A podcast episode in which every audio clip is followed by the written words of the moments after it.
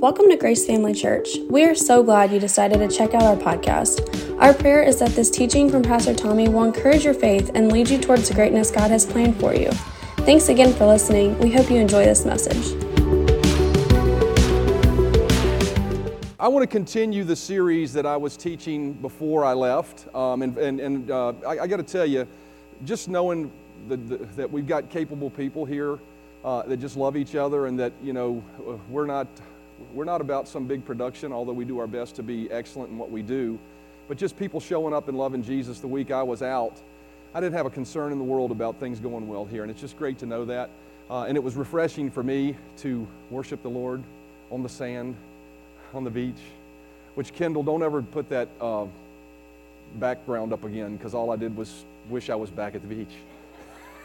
but anyway, it was great to get relaxed. But I got to tell you, um, uh, you know, it, it's, it's, it's great to understand what your place is and to be in your place. I would encourage you, if you don't know what that is, to, to do your best to get before the Lord and figure that out. And, and I will tell you that um, as the pastor of this church, there's a lot of things I'm called to do as the pastor, you know, just because of responsibility. But um, this place right here, sharing the word with you guys, is, is where I, I, would, I, would, I, would, I just love being in this place.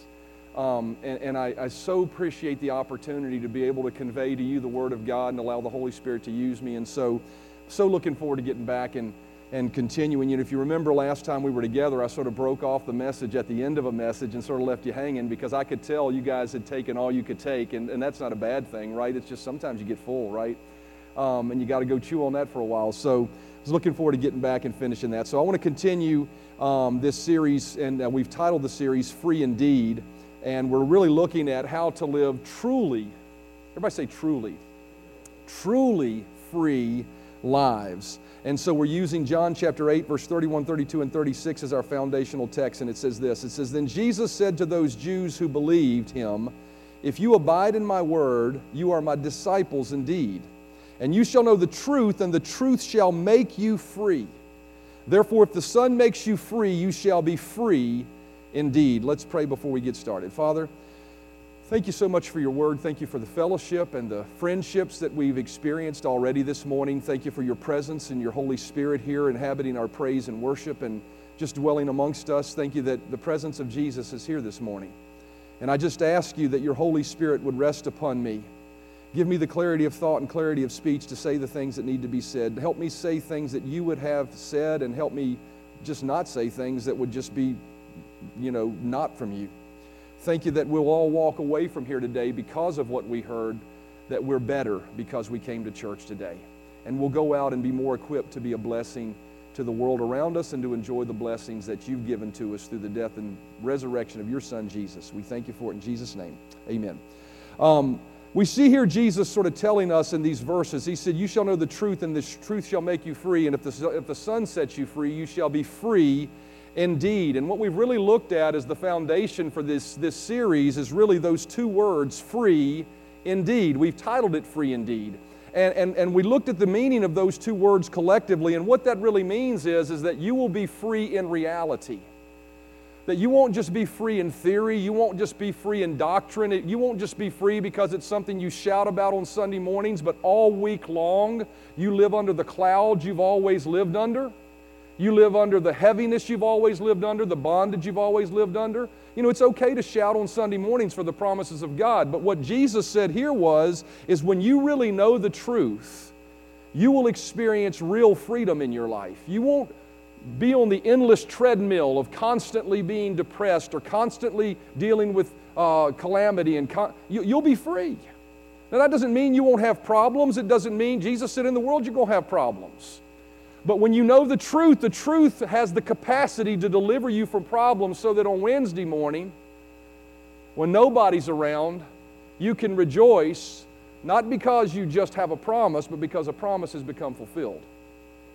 And what Jesus said here is this He said, You'll know the truth, and the truth shall make you free. So, what we're talking about in this series is how do we walk in that kind of freedom? And I really laid out at the beginning of the series that I think many of us are walking in things and just accepting things as well, you know, I'll just deal with that one, right? we talk about our depression or we talk about our fears or we talk about our particular malady and we claim it as ours. We even call it, you know, my diabetes or whatever, right? We claim it. We just accept it. We accept it as ours as something that it's our hand to be dealt in life when the Bible clearly tells us that Jesus came to set us free from so many things that we just accept as a part of life. And we often shout about on Sunday mornings that we're free from it, but we still deal with it. You know, that's a reality. And I, you know, I, for me as a pastor, I'll never mince the words with you. I'll never not be honest with you. I'll never not just call it like it is.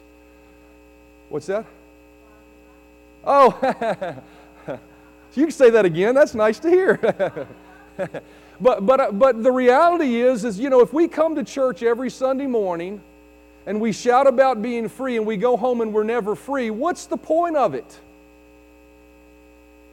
Right? Now, it's one thing if we shout about going to heaven and we're excited about going to heaven because that's going to happen one day and we have a future hope, right?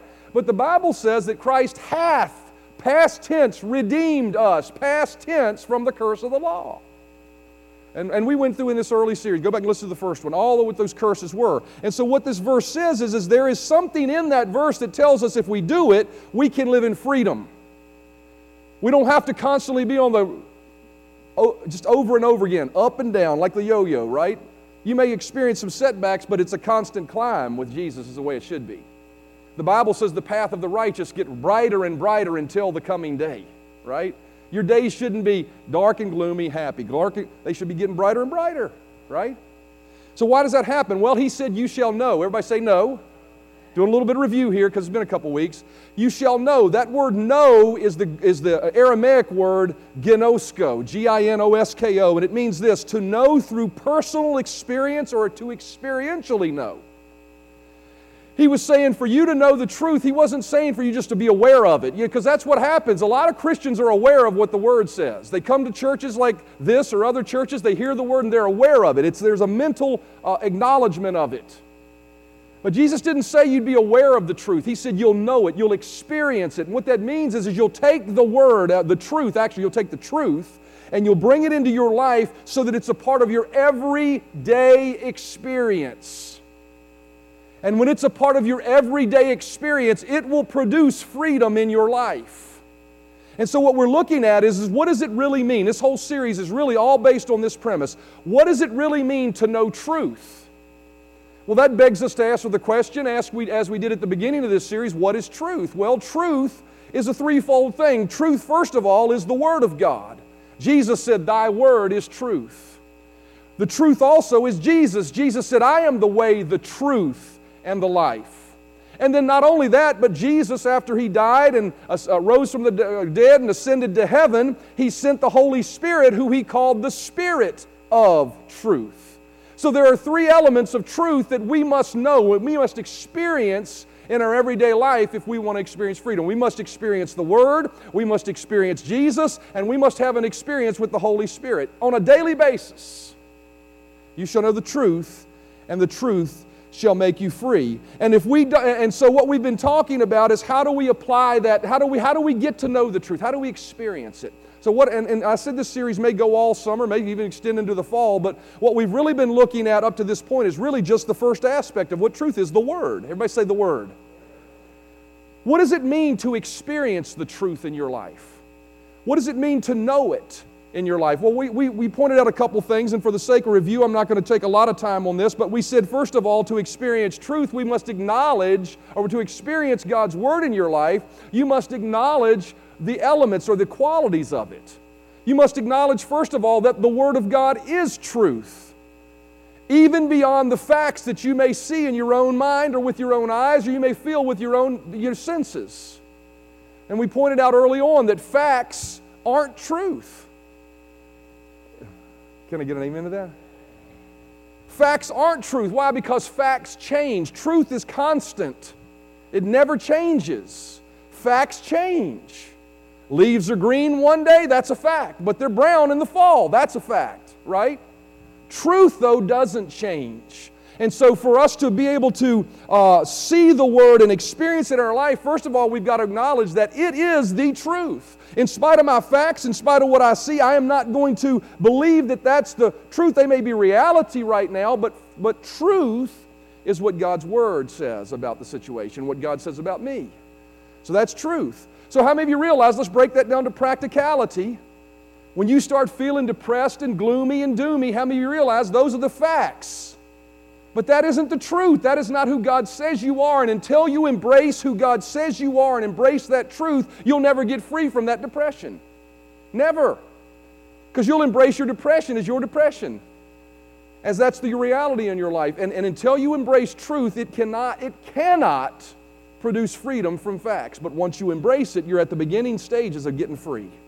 Because Jesus said, You'll know the truth, and the truth will make you free. So we must embrace the qualities of it. And then the last time we were together, we said we have to embrace the, the process of faith and how the Word of God applies to that process of faith if we want to be free. 1 John chapter 5 and verse 4. It says this it says, For whatsoever or whatever is born of God. How many of you have accepted Jesus in here? Can I get a hearty amen?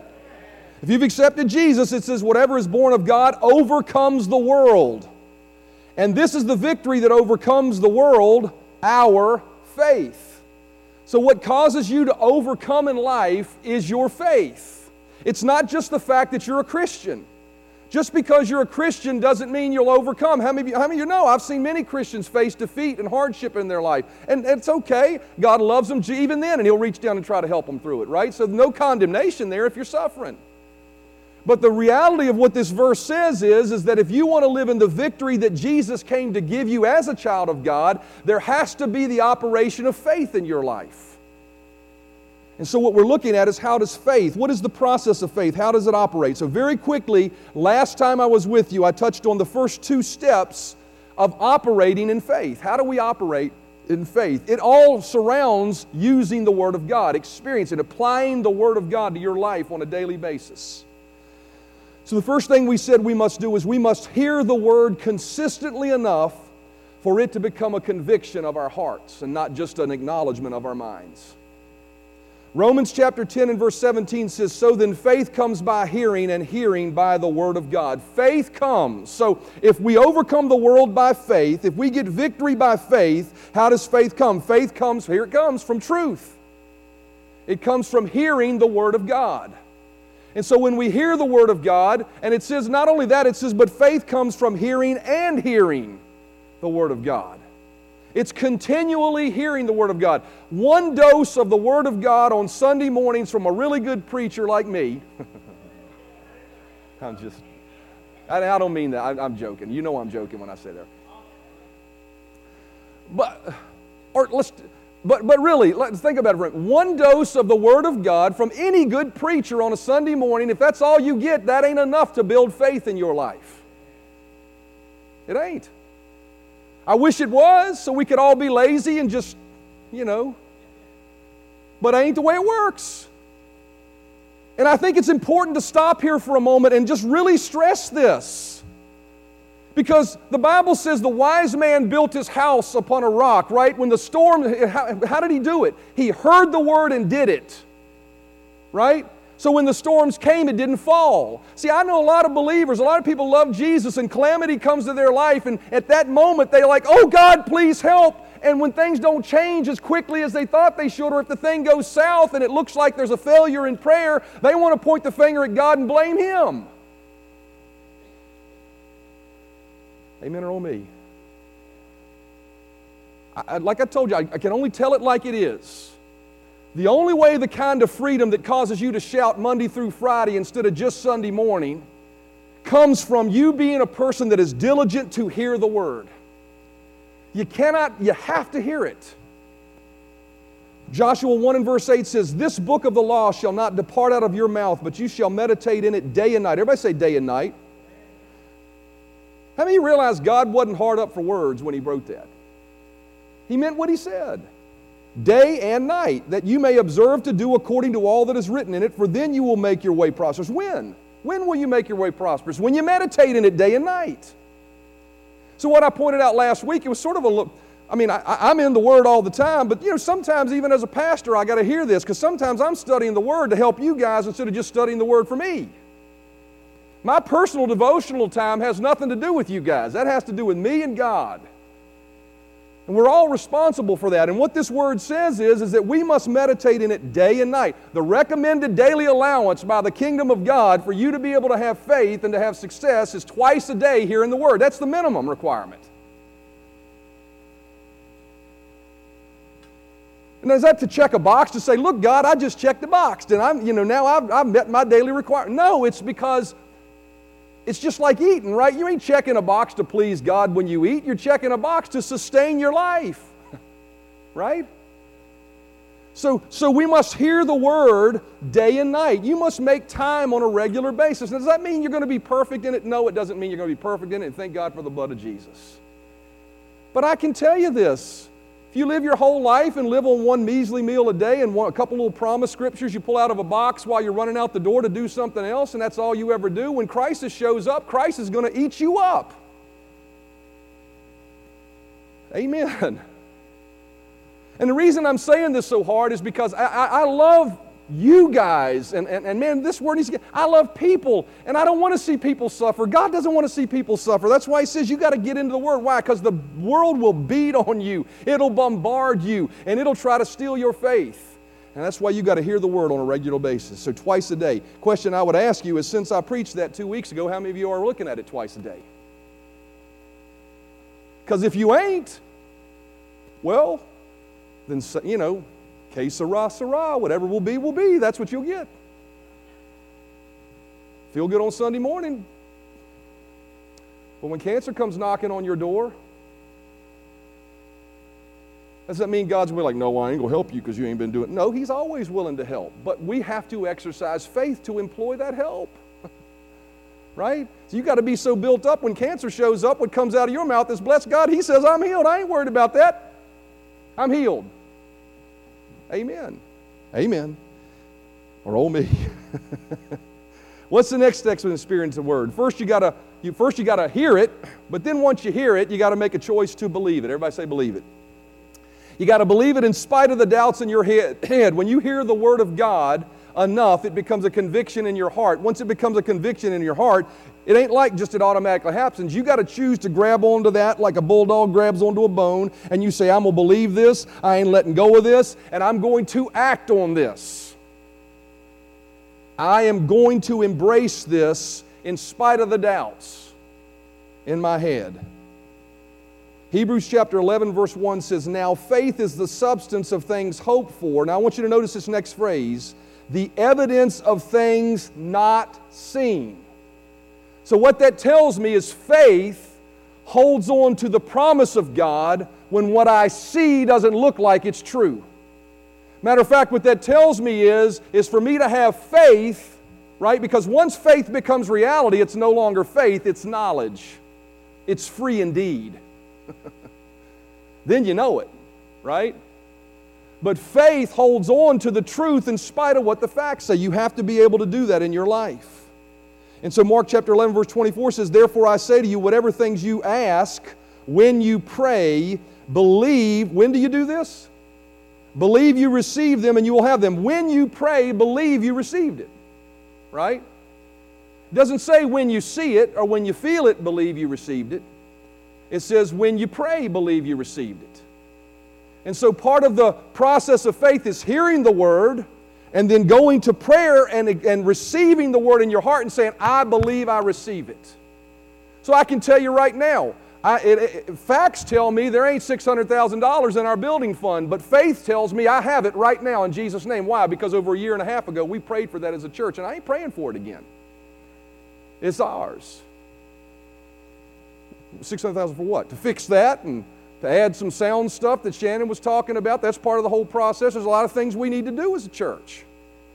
And not just to dress it up so we can be nice, but how many of you realize as a church we give out everything we receive? Part of the vision for this church is this. I, you know, maybe I need to communicate this more, but what I have in my heart is to grow to the place where we're sowing a million dollars a year into stateside and overseas ministries. Don't you think that'd be helpful to the kingdom of God? Amen. And so faith says, I have it now, even though I can't see it with my eyes. Right? And then what's the next thing we need to do? And this is really what I want to get to today. I tried to sort of squeeze it in last time I was with you, and I recognize I'm just cramming it down their throats. And How many of you ever try to feed a baby when a baby's full? It just don't work, does it? Y'all ain't babies, though. Y'all are spiritually mature. But, you know, even mature people. My dad used to call it glutted. I hope y'all get glutted every Sunday when I'm preaching, right? It's just you're at the point, I can't take no more and we got to go, right? Right? But anyway, so what's the third step in this process of faith? Number three, the process, third step is you have to speak the word. Everybody say, speak the word. Romans chapter 10 and verse 8 through 10. This is critical to the process of faith. And I, I, I want you to hone in here. You may have heard this before, but I want you to hone in on this because I believe there'll be some revelation. And sometimes the Bible says we need to be reminded of things. And I think as we move through this, you're going to be reminded of some stuff today that maybe you need to correct your confession here or there about some things that you've been wanting to get free from, but you've been saying the complete opposite of freedom. Romans chapter 8 and verse 10 says, But what does it say? The word is near you in your mouth. Everybody say your mouth. And in your heart. Everybody say your heart.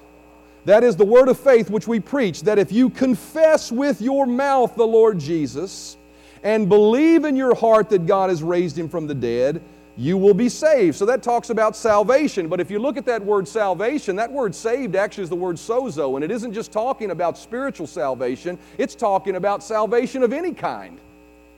Matter of fact, if you look up the word sozo, one of the definitions in the Greek uh, dictionary is physical healing. It says, if you confess with your mouth the Lord Jesus and believe in your heart that God is raising from the dead, you will be saved. For no, notice this is so critical. For with the heart one believes. So we got that part right. We've already talked about that. Heard the word, believe the word. For with the heart man believes unto righteousness.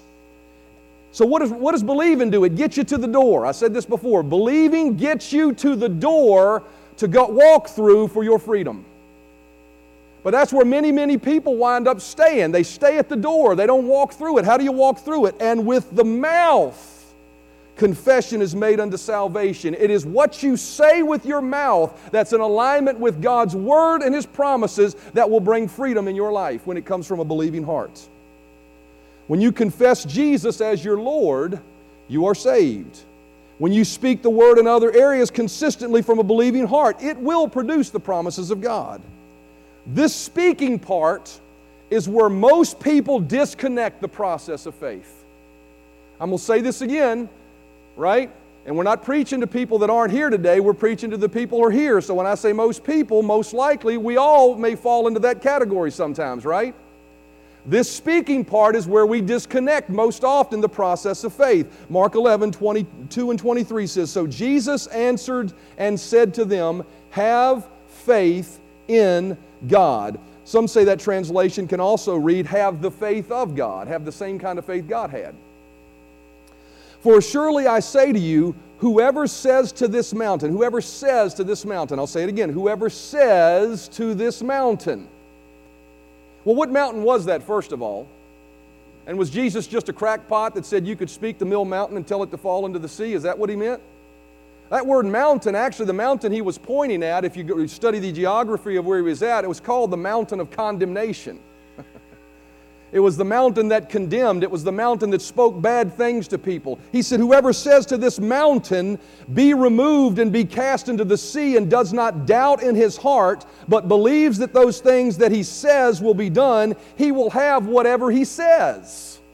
Notice how many times he says the word says there. He says believe once, but he says doubt, uh, but he says says three times.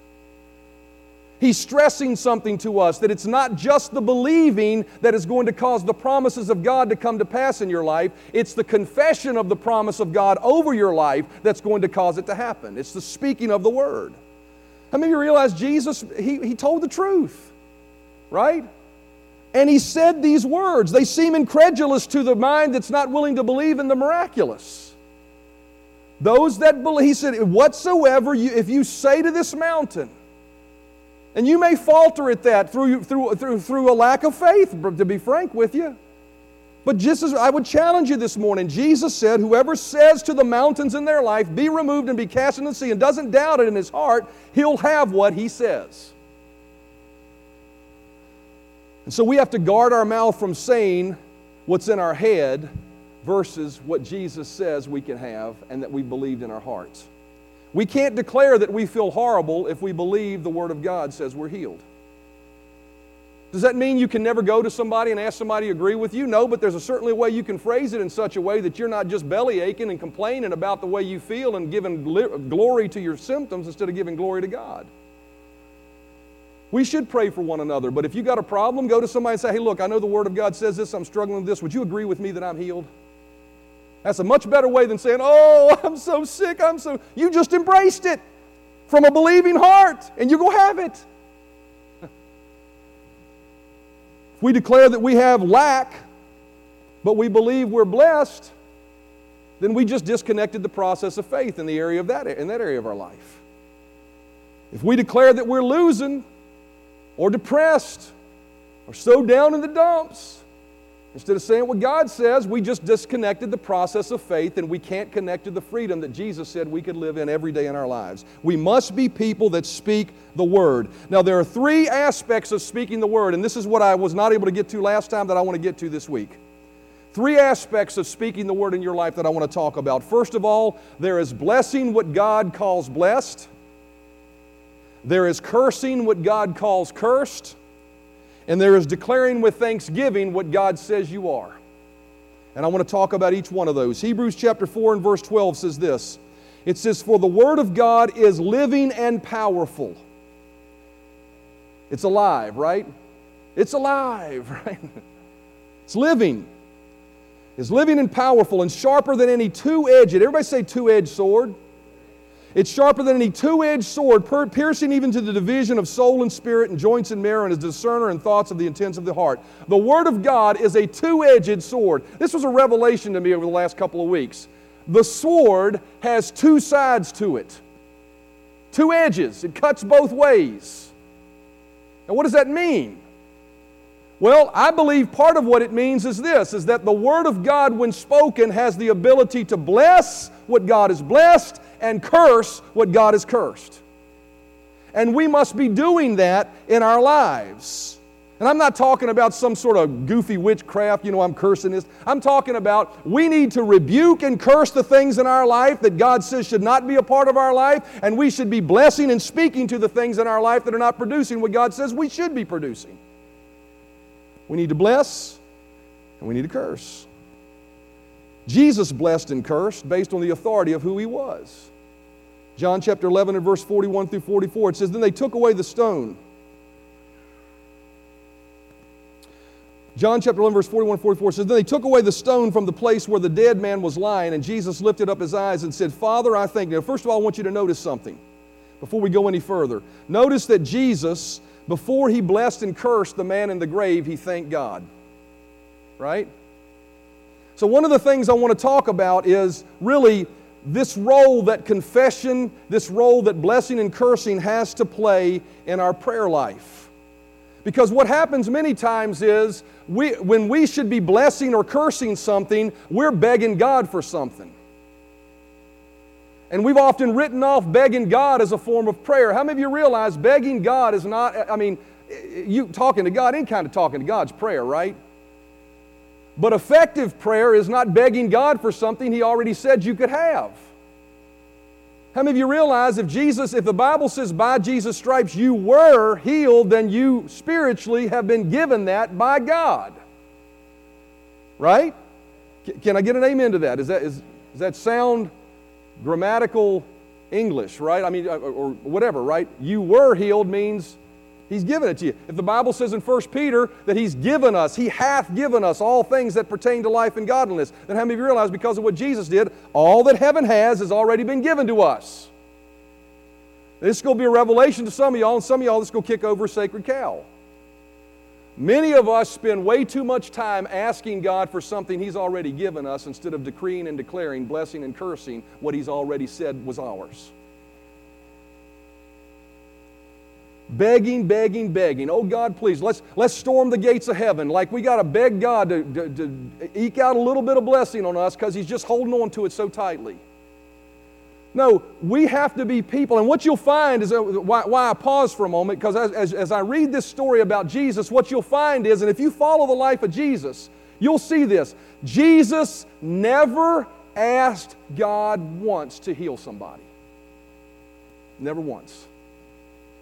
He told people to be healed by the authority that was given to him. He never once did that. He spent many times praying to the Father and thanking Him and talking about the will of God for his life, talking about the next step of God for his life, praying for his disciples, praying for others. But when it came to actual execution of the promises of God, you'll never find Jesus ever asking God to heal someone or bless someone. You'll find Him declaring blessing over them. Notice here in John chapter 11, it says, Then they took away the stone from the place where the dead man was lying. This was as Lazarus was dead. And it says, And Jesus lifted up his eyes and said, Now notice, he said, Father, I thank you. You have heard me. And I know that you always hear me. Because of the people who are standing by, I said this, that they may believe that you sent me. See, he wasn't thanking God for Lazarus to be risen from the dead so God would raise him. Why? Because he realized the power to raise Lazarus from the dead was given to him by the Holy Spirit and the anointing that rested upon him. He was just saying, Lord, I'm doing this so everybody can know you sent me here. So I'm thanking you that ultimately the power comes from you, right? That's humility. That's reverencing God. That's not arrogance. But then notice what he does. He changes his focus. Now, when he had said these things, he cried with a loud voice. Who did he cry to? God? No, he said, Lazarus, come forth. He spoke to a dead man and told him to come forth. And he who came and he who had died came out bound hand and foot with grave clothes, and his face was wrapped with a cloth. And Jesus said to them, Loose him and let him go. Jesus did not ask God for Lazarus to raise for God to raise Lazarus from the dead. Jesus told Lazarus to rise up from the dead based on the anointing and power that he walked in. He spoke words to Jesus, and Jesus, here's the good news for us this morning. Why am I sharing all that? Because he gave us the same authority to do the same thing. Got really quiet in this Presbyterian church. Had a friend in college who used to say that. Matthew chapter 28, verse 18 and 19.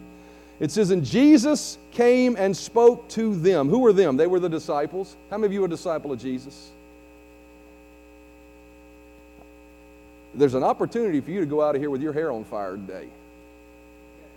And Jesus came and spoke to them, saying, All authority has been given to me in heaven and on earth. Go, therefore. He said, I've been given all authority now that I've risen from the dead, now that I've broke the power of death, hell, and the grave, now that I've defeated the devil, now that I've pulled his teeth and he ain't got no power. I've been given all authority. Now I'm giving it to you. Go, therefore. Go do what?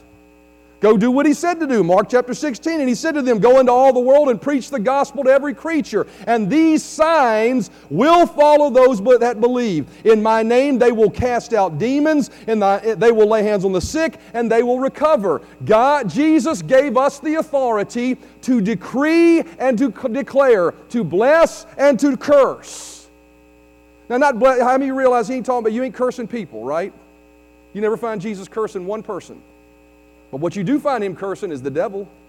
You find him cursing fig trees that ain't producing what they should be producing. And you find him blessing things.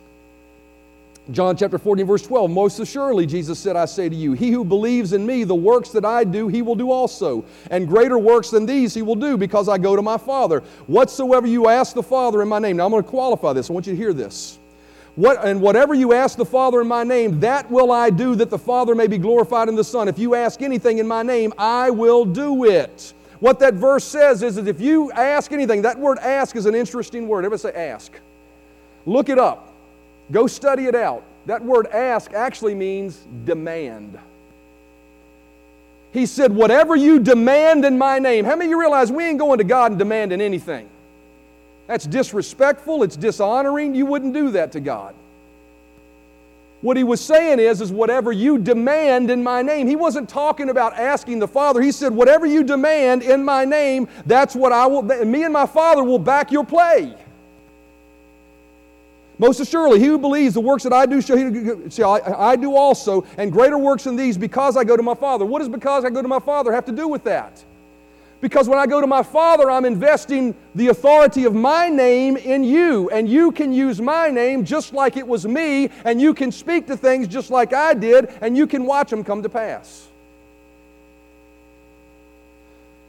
And whatever you ask in my name, whatever you demand in my name, that will I do. What is he saying? He says, when you use my name, it's just like me doing it. I'm back in your play. See, what he's talking about is blessing and cursing here. This apply, you know, you can do this in helping others.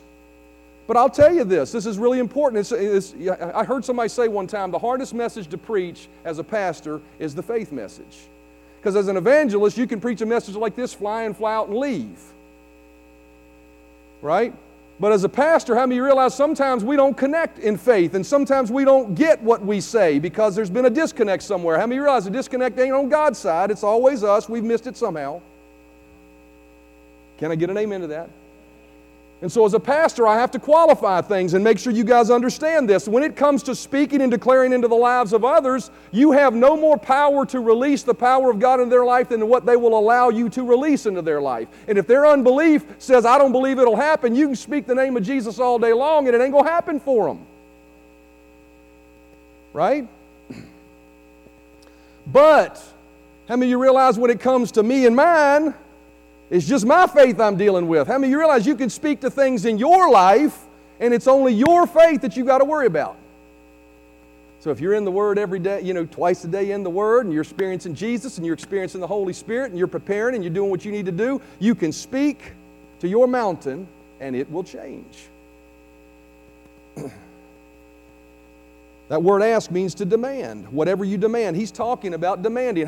How many realize in the story where Jesus, you know, uh, uh, spoke to the fig tree, he spoke to an inanimate thing? Are you speaking to things in your life? I can tell you this you are, whether you realize it or not. You may not be speaking blessing, you may be speaking cursing. Are you speaking to your checkbook? Are you declaring the facts of your checkbook? Right? I got to tell you, I get up in the morning, I thank God every day. My checkbook's so full, I got money I got to give to everybody. I just got to bless people. I got to buy groceries, I got to bless people, I got to give to the building fund. I just got to do all of that. You see, is it always that full? No. That's the facts. But I don't care about the facts. Jesus didn't care about the facts when he spoke to the fig tree. There were leaves on it, but he said, You wither up and die, and walked away and didn't give it another thought. And the next day when he showed up, dead as a doornail. See, we, we need to be blessing and cursing. Why? Because that's what God told us to do. Matthew, uh, Jesus told us to do. Matthew 18, 18. Surely I say unto you, whatsoever, whatever you bind on earth will be bound in heaven, and whatever you loose on earth will be loosed in heaven. You have the ability to bind and loose good things and bad things in your life. Sickness shows up, you say, Devil, I bind you. Sickness, I curse you. Get out of my life. You can't stay here. Instead of saying, Oh my God, I feel so bad. Well, you just embraced it. And then that's the cursing part. Then the blessing part says, In body I speak to you. I call you the healed of the Lord. You're full of vitality and strength because the Holy Spirit that raised Christ from the dead dwells in you, and He'll quicken your body. Amen. See, Proverbs 12, 18, verse 21 says, Death and life are in the power of the tongue, and those who love it will eat its fruit. I used to read that phrase to mean it this that death and life. So if I speak bad things, I'm going to have bad things. If I speak good things, I'm going to have good things. How many of you realize that's true? But how many realize that I, would rather read things from the positive side of God's Word? And what the Word of God, Jesus said, I mean, uh, uh, the, the Hebrews we read there, the Word of God is a two edged sword. And what that verse is really saying is, is what you curse, right? You curse, you'll, the, the sickness and tell it to leave, it'll go. You bless your body, tell it to live, it'll live. If you stand in faith and believe that, you, it will, that will transpire. Does that mean we're all going to live forever? No. We're not redeemed from old age. The Bible says the number of a man's years shall be 120, around 120 or until he's satisfied. And I don't know many people that aren't satisfied before 120 typically. I got one person in my life that said, I don't want to live till 120. I want to go and be with Jesus. That's just fine. But you ain't got to go out on cancer and heart attack and heart failure, you can go out on your own terms. You can go out on your own terms. Abraham did it, Isaac did it, uh, you can do it. I know many of people Many of people who've just said, you know, I'm going to go and be with the Lord today. They go lay down and go to bed that night and they fall asleep in the Lord peacefully and go to heaven. I'm going to do my best to go on my terms. I'm not being arrogant or anything else, but if it's a promise, I'm going to speak the word, I'm going to say the word, and I ain't going out on a pulmonary embolism that like it tried to take me out two years ago.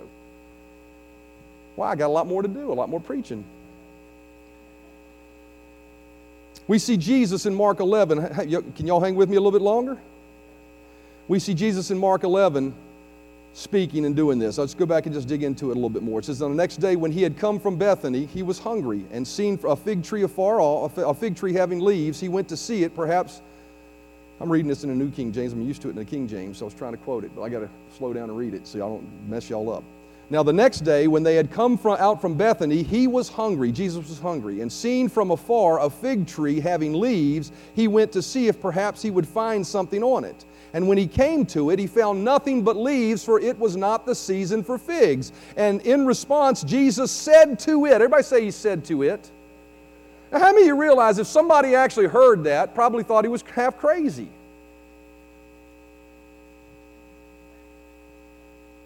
He looked at the tree and said, No one eat fruit from you ever again. And his disciples heard it, and they probably thought, What in the world is he doing? Now, in the morning, as they passed by, go down to verse 20. Now, in the morning, as they passed by, they saw the fig tree dried up from the roots. And Peter, remembering, said to his Rabbi, Teacher, look, the fig tree which you cursed has withered away. So that process was something that Peter noticed. And notice Jesus' response to that process. He said, Have faith in God. Jesus told Peter that what you just saw, and as, as I said, many translators, you go back and look at it, they'll say the real meaning of that is to have the faith of God.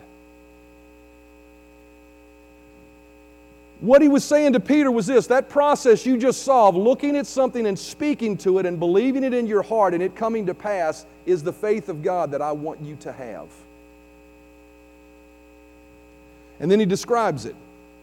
For assuredly I say unto you, whoever says to this mountain, Be removed and be cast into the sea, and does not doubt in his heart, but believe that those things which he says will be done, he will have whatever he says. Therefore I say to you, whatsoever things you ask, and that word ask again is the word demand, it's the same word. When you pray, believe you receive them, and you will have them. So that tells me blessing and cursing is a form of prayer. Why? Because whenever you're using the name of Jesus, all of heaven stands at attention and says, What's he about to say? What's he about to command us to do? What's he about to release from heaven and loose it here on earth? See, what happens many times in our lives is we spend our time begging God to release something, God said, I already told you, bless it, curse it, and then move on from it. But see, what winds up happening is many times people will bless it or curse it, and it don't change immediately, so they bless it and curse it again, and they bless it and curse it again, and they bless it and curse it again. I mean, if you real, if you watch Jesus on the in his ministry, he never spoke to any situation more than once. One time he actually uh, did one thing, then he did something else to help a guy's faith. Because his eyes began to see a little bit, and then he did something a little bit more so he could see to help him. But most of the time, like when Jesus spoke to demons, he said, Come out of you in Jesus' name, and the demon would writhe and la, la, la. he didn't say, Oh no, come out, come out, come out. He didn't do any of that. He didn't. He just stood there. Why? Because he knew the minute he said it, it was a done deal. And that's what real faith is. Faith says, I'm going to bless and I'm going to speak and I'm going to move on. I ain't going to beg God for it no more. I'm just going. Now, now, now that, which leads me to the next part. The next part of faith is once you bless it and curse it and it's a done deal, then you move into the thanksgiving realm of your confession. Everybody say thanksgiving. I'm going to close with this. Musicians come. Psalm 100, verse 1 and 2 and 4 and 5. It says, Make a joyful shout to the Lord, all ye lands. How many believe we should come into church shouting and praising God? Says, Make a joyful shout to the Lord, all you land. Serve the Lord with gladness. Come before his presence with singing. Notice this enter his gates with begging and pleading, enter his courts with crying and begging. Is that what it says? That's the way a lot of people come, though. What it says is enter his gates with thanksgiving and into his courts with praise. Be thankful to him and bless his name, for the Lord is good, his mercy is everlasting, and his truth endures to all generations. What does he say? He says that a part of our confession, a part of our, a part of our speech should be praise and thanksgiving. See, I, I, all I can tell you is the way I operate. I wake up, how many of you ever woke up in the morning just didn't feel quite right? That's a fact. Now, I could lay in bed and say, Oh, I feel bad, I'm going to take a day. But you know what I choose to do? I choose to get up and still say, Lord, I thank you. Whatever that is, I curse it. It's got to go in Jesus' name. Now, thank you, Lord. I'm the healed of the Lord. I'm going to thank you and praise you, and I'm going to praise you all day long. And I can tell you, most often, by just a little bit of time, it's gone.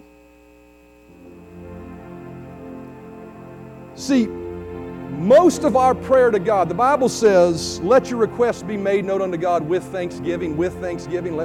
It doesn't mean let your, Him know your request. I mean, that's important to let Him know. But, but what it's saying is the request, the demand you've already made of everything in Jesus' name, just thank Him for it. Let Him know with thanksgiving. Lord, I want to thank you that you're back in my play. I want to thank you that I'm healed. I want to thank you that I'm blessed. See, we bless and we curse, but then we need to consistently declare the word after that. We don't need to go back and bless and curse. We don't need to go back and pray and ask again. We just need to walk forward in faith. And every time it enters our mind, the thing enters our mind, we just say, God, I thank you that it's mine. I believe I receive it. I know what the facts say, but I don't care what the facts say. I'm not, I'm not, I'm not dis- acknowledging the facts. I'm just saying they got to change. I'm thanking you for what your word says. So Hebrews 10:23 says, "Let us hold fast the profession of our faith without wavering, for he is faithful that promise." We have to be people that once we've decreed, once we've declared in the name of Jesus, once we've claimed in Jesus' name, that what we do going forward is we're thanking God. We're not saying, "Oh, I wish I would eventually get healed." No, you got healed the moment you asked. The moment you spoke, the moment you declared, then just start thanking God for it. And what did he say? He said, if you'll, if you'll believe you receive it when you pray, you shall have it. It doesn't mean you get it immediately. You keep hanging on. You keep thanking God. You keep speaking the word. It will come to pass. And if you fail, your faith wavers, and it doesn't come to pass, well, then just trust Him to pick you up and help you on the next one. Amen. Amen. We need to be like Abraham. The Bible says he was strong in faith and he gave glory to God, not acknowledging the deadness of Sarah's womb. He said, Those are the facts, but I ain't acknowledging that. I'm going to thank God every time I think about it. So we must thank God for what He says about us. And what does He say about us? I want you just to listen to these words. He said, I'm a child of God. And because I believe, uh, because I believe He raised Jesus from the dead and have confessed Jesus as the Lord, as my Lord, I am His child. That's what he says, whether you feel like it or not. He says, I'm a new creation, therefore my past has no control over my future. My past can't dictate my future. My future is bright and new because I'm a new creation. What does he say about me? He says, I'm the righteousness of God, which means I'm right with God. He's not angry with me, he likes me.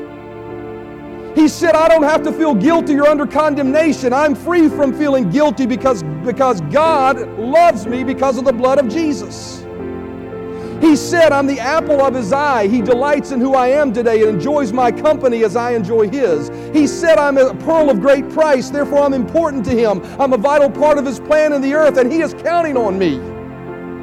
He says, I am fearfully and wonderfully made, which means I am awesome and I am marvelous. He has said that I have the mind of Christ. There's, therefore, there's no situation in which I don't have wisdom to address it. I am intelligent and a wise child of God. He has said, I am free from sickness by the stripes that Jesus took for me at the whipping post. No sickness, disease, virus, or malady can remain in my physical body because I am healed. He has said that I don't have fear, for I am protected by God from calamity. His angels watch over me daily and protect me from accidents and harmful things. Therefore, I will live a long and satisfying life. He has said that He has anointed me with the oil of gladness, so I don't have to have depression or heaviness. I have joy unspeakable and full of glory. Hallelujah. He has said that it is God's desire and joy to give me success in my finances. He takes pleasure in prospering me and blessing me. Whatever I put my hand to prospers. Therefore, my checkbooks and savings accounts and are full, and my bills are paid on time, and my projects are fully funded. He has said that the windows of heaven are open unto me because I am a tither. The provision of heaven is loose to me. Deals, raises, promotions, and favor that will cause an increase in my finances are mine in Jesus' name. I am so blessed, I cannot contain it, and I have an abundance left over to bless everyone that needs me to bless them. He has said, I have the greater one, the mighty Holy Spirit living in me. He is greater than the devil, greater than sickness, greater than poverty, greater than any problem that the life can throw my way. He has said, I've been seated in heavenly places with Christ, and all things are under my feet. The devil is under my feet. I have authority over him and can resist his attacks in my life. Satan is not a powerful force in my life. He is defeated, and I am free and not bound. He has said, I have received grace that is more powerful than the power of sin. Therefore, there is no sin or addiction or habit or thought pattern in my life that can control me, for I am free. He has said, I've been made a king in life. I reign in life. I decree and declare what will take place in my life. Life doesn't dictate to me the outcome of my life. I will declare the Word of God, and it will be my reality.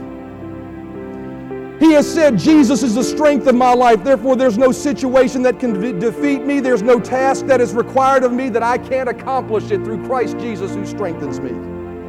He has said, I have been made more than a conqueror, which means that I can face challenges knowing that I will overcome them. He has said, no matter what happens, I keep pressing forward. If I keep pressing forward, I will win because He has made me a winner in life. Thanks be unto God who always causes me to triumph.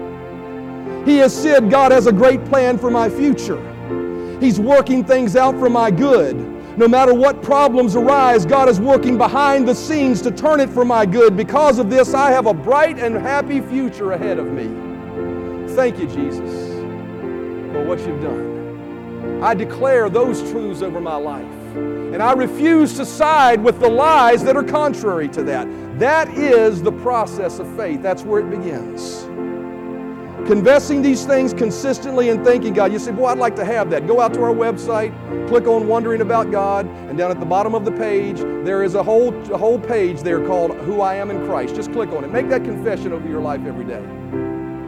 When depression tries to set in and heaviness tries to set in, resist it. Curse it. It's not a part of who you are. It's something that the devil's trying to throw on you. Tell it to leave in Jesus' name and start speaking these words to yourself. They will bring life. Jesus said these words, and you shall know through personal experience, I added, the truth, and the truth shall make you free. Therefore, if the Son makes you free, you shall be free indeed. How do we get free? Knowing the truth, hearing it, believing it, and speaking it. That's part of the process. We're going to talk about a whole lot more in this series. That's part of the process. That ain't the whole story, but that's a good start. So I would tell you today, as you think about your week, as you face your problems, don't talk your problems. Just side on the God side of the situation with your words. Just choose. Somebody says, How you feeling? If you ain't feeling good, just say, I believe I'm healed. My body's screaming at me, but I believe I'm healed. I'm speaking the word. I ain't gonna give place to what my body's saying. I believe I'm healed. How you feeling? I'm so depressed. No, I ain't depressed. I'm the blessed of the Lord. I got the joy of the Lord. It is my strength. Just speak it over your life. That word will germinate because it's alive, right? We talked about that. It's alive and it'll bubble up and it'll cause that to come to pass in your life. Amen. Thanks for listening to our Grace Family Church podcast. We really hope you enjoyed this message. If this ministry has blessed you in any way, we would love for you to get connected. Just go to gfcva.info to learn more about who we are how to give to this ministry, or how you can get involved. Thanks again for listening, and we hope to see you soon.